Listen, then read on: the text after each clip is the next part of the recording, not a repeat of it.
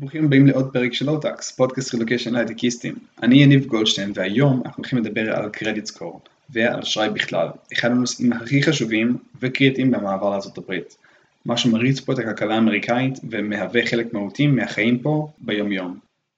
כישראלים אנחנו לא כל כך מכירים את ההשפעות הרבות שלו בחו"ל ומאוד מופתעים כשזה פוגש אותנו בפעם הראשונה. אנחנו הולכים לדבר על מה זה credit score, איך בונים אותו, בודקים סטטוס, והולכים להתייחס לשאלות שלכם בעמוד האינסטגרם לפני תחילת הפרק. גם אתם מוזמנים לפנות לנו בעמוד האינסטגרם, לואוטקס פודקאסט או במייל. בואו נתחיל.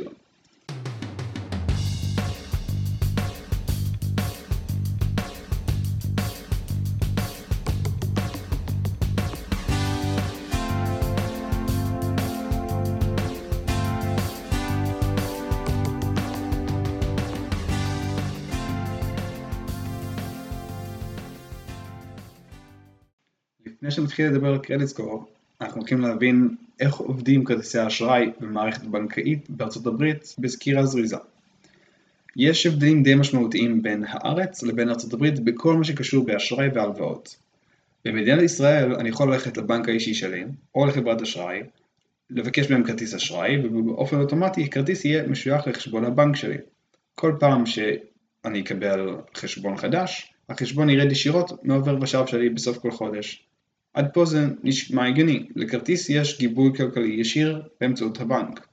במידה וחס וחלילה לא יהיה לי מספיק כסף בחשבון הבנק בסוף החודש, אני אכנס למצב של מינוס, כלומר גירעון בחשבון שלי, שהוא בעצם הלוואה מהבנק בתנאי ריבית נוראים לחלוטין. אבל תשימו לב לסמנטיקה, אני אהיה חייב כסף לבנק, לא לחברת האשראי. בארצות הברית המצב שונה. אתם עדיין יכולים ללכת לבנק או לחברת אשראי ולהוציא כרטיס אשראי בנקאי, אבל האחריות לשלם את הכרטיס היא אצלכם בלבד. אף אחד לא עומד לכם על הראש וידאג שאתם משלמים בזמן. למעשה האינטרס שלהם הוא הפוך לחלוטין. עבור כל כסף שלא שילמתם בסוף החודש, אתם הולכים לשלם ריבית לשירות שמנותן לכם את הכסף. לא תמיד זה הבנק. הריביות החודשיות בכרטיסי אשראי בארצות הברית נעות סביב ה-20%. כלומר, אם בסוף חודש הייתם חייבים 100 דולר, אתם תהיו חייבים 120 דולר לשירות שנתן לכם את הכסף. לכן, לישראלים אנחנו מאוד ממליצים להפעיל שירות שנקרא אוטופיי, כלומר תשלום אוטומטי. כל חברת אשראי אמריקאית חייבת על פי חוק לאפשר לכם את האופציה לשלם בצורה אוטומטית. בסוף כל חודש, או יותר נכון בכל סוף מחזור, הכסף שלכם ירד מחשבון הבנק בדיוק כמו שאתם רגילים כבר עכשיו בארץ. חלקכם אולי מכירים שבמדינת ישראל העבירו חוק שמחייב את הבנקים ואת חברות האשראי להיות שונות זו מזו, כלומר הן לא יכולות להיות תחת אותו ארגון, וזאת כדי לעודד תחרות ולאפשר קצת יותר גיוון, בארצות הברית אין חוק כזה, ואתם יכולים ללכת לבנק ולהוציא כרטיס אשראי שמקושר לבנק, אבל גם אם אתם מוצאים כרטיס אשראי בנקאי, אתם צריכים להגדיר מאיפה הכסף של אותו כרטיס אשראי הולך לרדת. יכול להיות שיש לכם כמה חשבונות בנק, לדוגמה חשבון בנק של צ'ייס ושל סיטי בנק. ואתם רוצים לשלם את כרטיס האשראי של צ'ייס עם החשבון של סיטי בנק או להפך. או במילים אחרות, עצם העובדה שיש לכם אשראי שהבנק שלכם נותן, לא אומר שהבנק מכסה ישירות את הכסף מהחשבון עובר ושב שלכם. אתם צריכים לעשות את זה בעצמכם. זה לא כל כך קשה, כמה קליקים באינטרנט, אבל אתם צריכים לעשות את זה בעצמכם.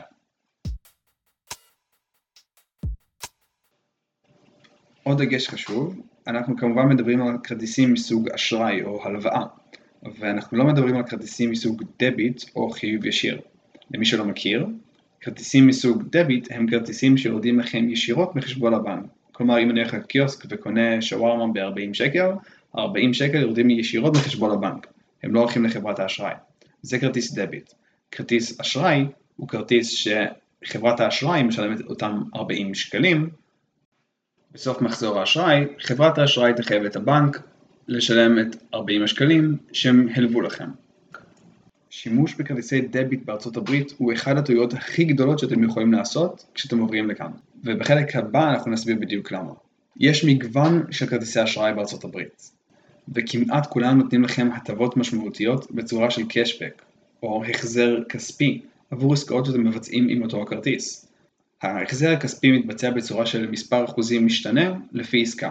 לדוגמה, כרטיס פרידום של צ'ייס ייתן לכם 5% קשבק על הוצאות למטרות של תיירות, נסיעות, כל מה שקשור בטראבל, 3% על מסעדות, טייק אאוט ותרופות, ו-1.5% על כל השאר. יש כרטיסים שונים שנותנים הנחות על דברים משתנים, כמו כרטיס שנותן הנחה על קניית דלק, הנחה על טיולים, טיסות, מסעדנות, נופשים ואפילו קניית מוצרים בסופר מסוים. כך למשל כרטיס של וולמארט ייתן לכם קשבק על כל קנייה בוולמארט, וכמעט לכל רשת סופרים גדולה שמכבדת את עצמה יש שירות אשראי שהם מציעים. די דומה לשופרסל שקורה בארץ. לפני פתיחת כרטיס אשראי חדש, אנחנו רוצים לבדוק את האותיות הקטנות. האם יש דמי מנוי חודשיים או שנתיים לכרטיס? מהם הריביות השונות שיש במידה ונכנס לחוב? כזכור, האחוז הממוצע לחוב יהיה 20%.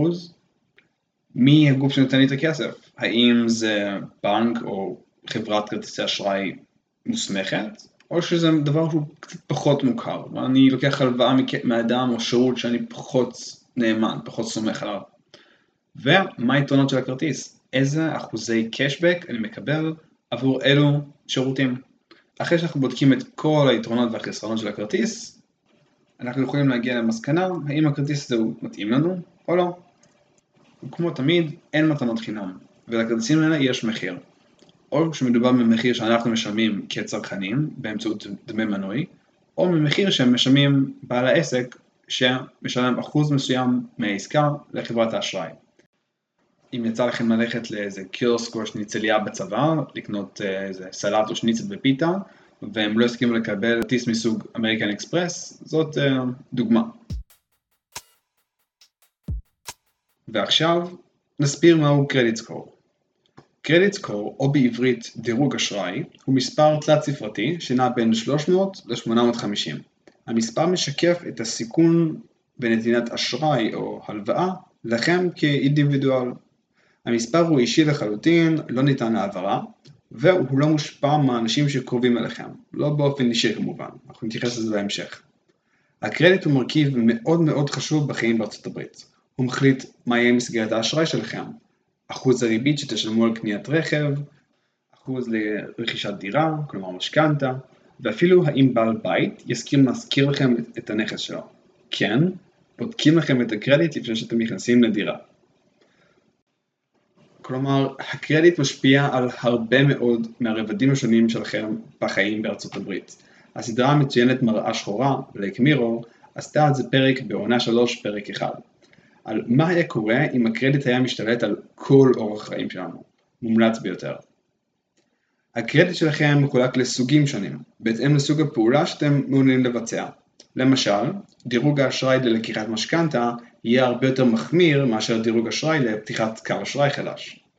אז קצת במספרים, קרדיט סקור מתחת ל-600 נחשב לא טוב.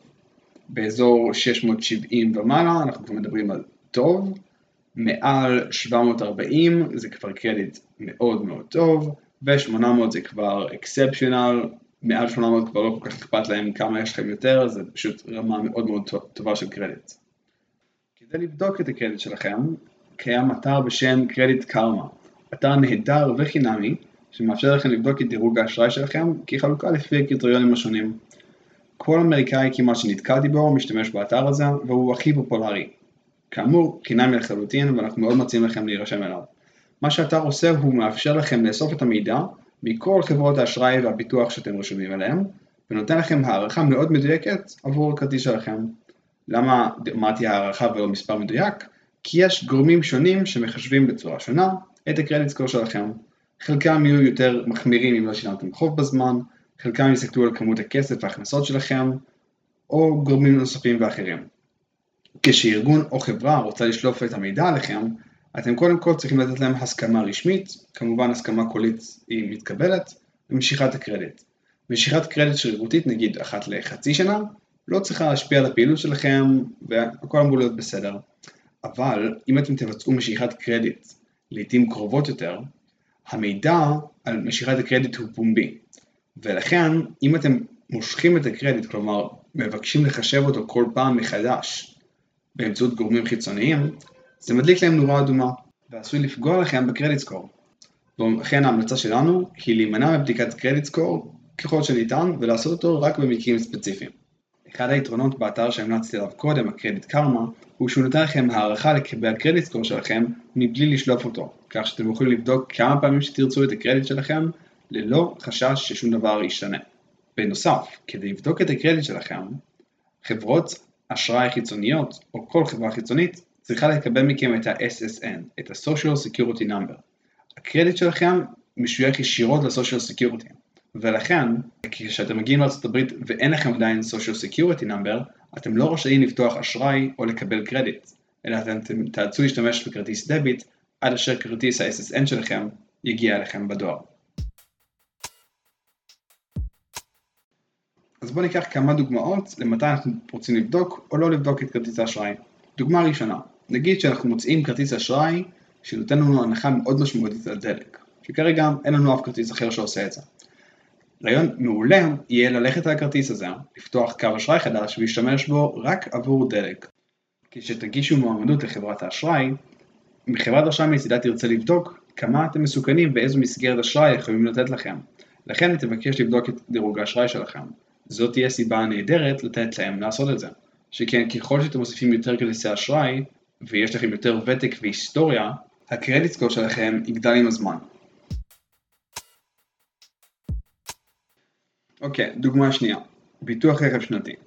מזל טוב, קניתם או שכרתם רכב חדש, ואתם רוצים ביטוח. כמו כל ישראלי טוב, אתם לא רוצים להיות פראיירים ואתם תמצאו את הדיל הכי טוב שאפשר. חברות הביטוח מהצד שלהם רוצות לקבל כמה שיותר מידע עליכם. חלק מהמידע שהם יבקשו זה את ה-SSN, את ה-Social Security Number. כאמור זה מידע מאוד רגיש ואין צורך לתת אותו לאף גורם שהוא לא רשויות חוק. מה שחברת הביטוח רוצה לעשות עם המידע הזה הוא לבדוק את הקרדיט סקור שלכם ובעצם לבדוק מה הסיכוי שאתם תשלמו את הפוליסת ביטוח הזאת.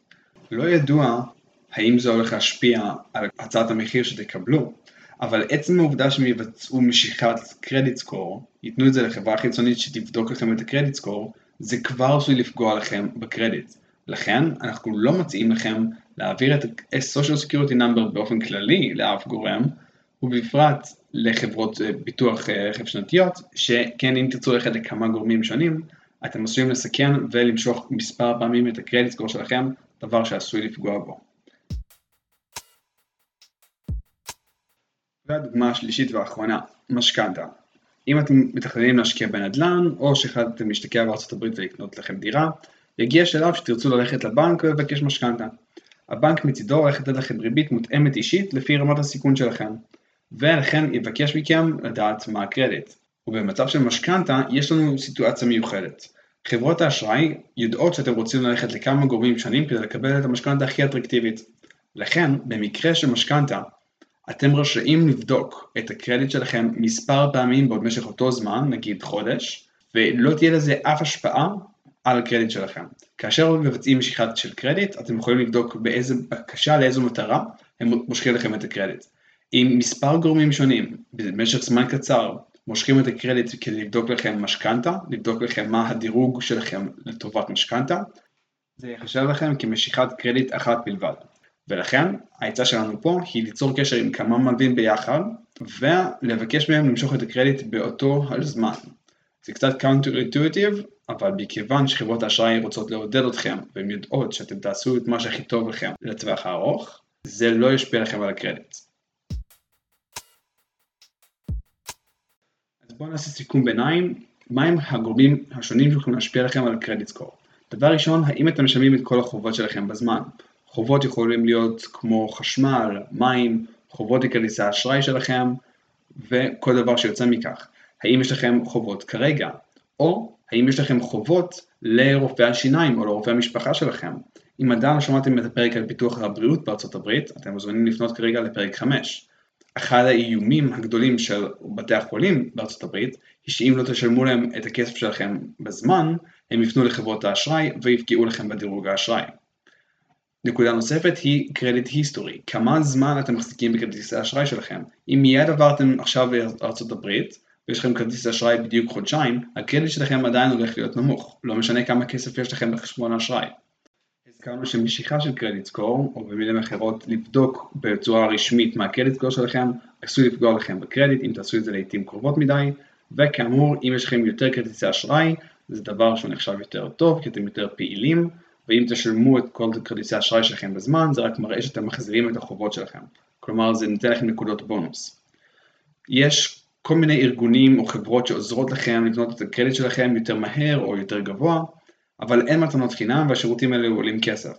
דוגמה לשירות כזה הוא סוג של כרטיס אשראי שאתם טוענים אותו מראש בכסף, ואז אתם יכולים להגיע לסכומים גבוהים יותר של קרדיט, להחזיר אותם, ולהתחיל לבנות את הקרדיט סקור בצורה הזו. אם אתם מתכננים לבוא ולבצע השקעות משמעותיות בארצות הברית במשך טווח קצר, יכול להיות שזה פתרון שיתאים לכם. במקרה האישי שלי, אני לא מתכנן לחזור חזרה לארץ, ולכן לא היה לי דחוף לקבל את הקרדיט בצורה מהירה יותר. אחרי שנה של חיים בארצות הברית, תשלום של חובות בזמן ופתיחה של מספר כרטיסי אשראי, הקרדיט שלי הגיע לרמה מאוד טובה, והוא רק ממשיך וצובר את עצמו. בדיוק כמו בצבא, הפזם פה משחק תפקיד. עד כאן הפרק שלנו על כרטיסי אשראי וקרדיט סקור. תודה רבה שהקשבתם. אם יש לכם הצעות, שאלות, רעיונות או כל דבר שתרצו שאנחנו נרחיב עליו, בבקשה שלחו לנו הודעות ושאלות לכתובת lowtax@gmail.com. קישור אנחנו נוסיף בהערות לתיאור הפרק. כמו תמיד אתם מוזמנים לעקוב אחרינו בכל אפליקציות הפודקאסטים, ספוטיפיי, אפל פודקאסט, גוגל פודקאסט, אם יש שם פודקאסט אנחנו כבר שם. עד הפעם הבאה חברים, תישארו בפלוס.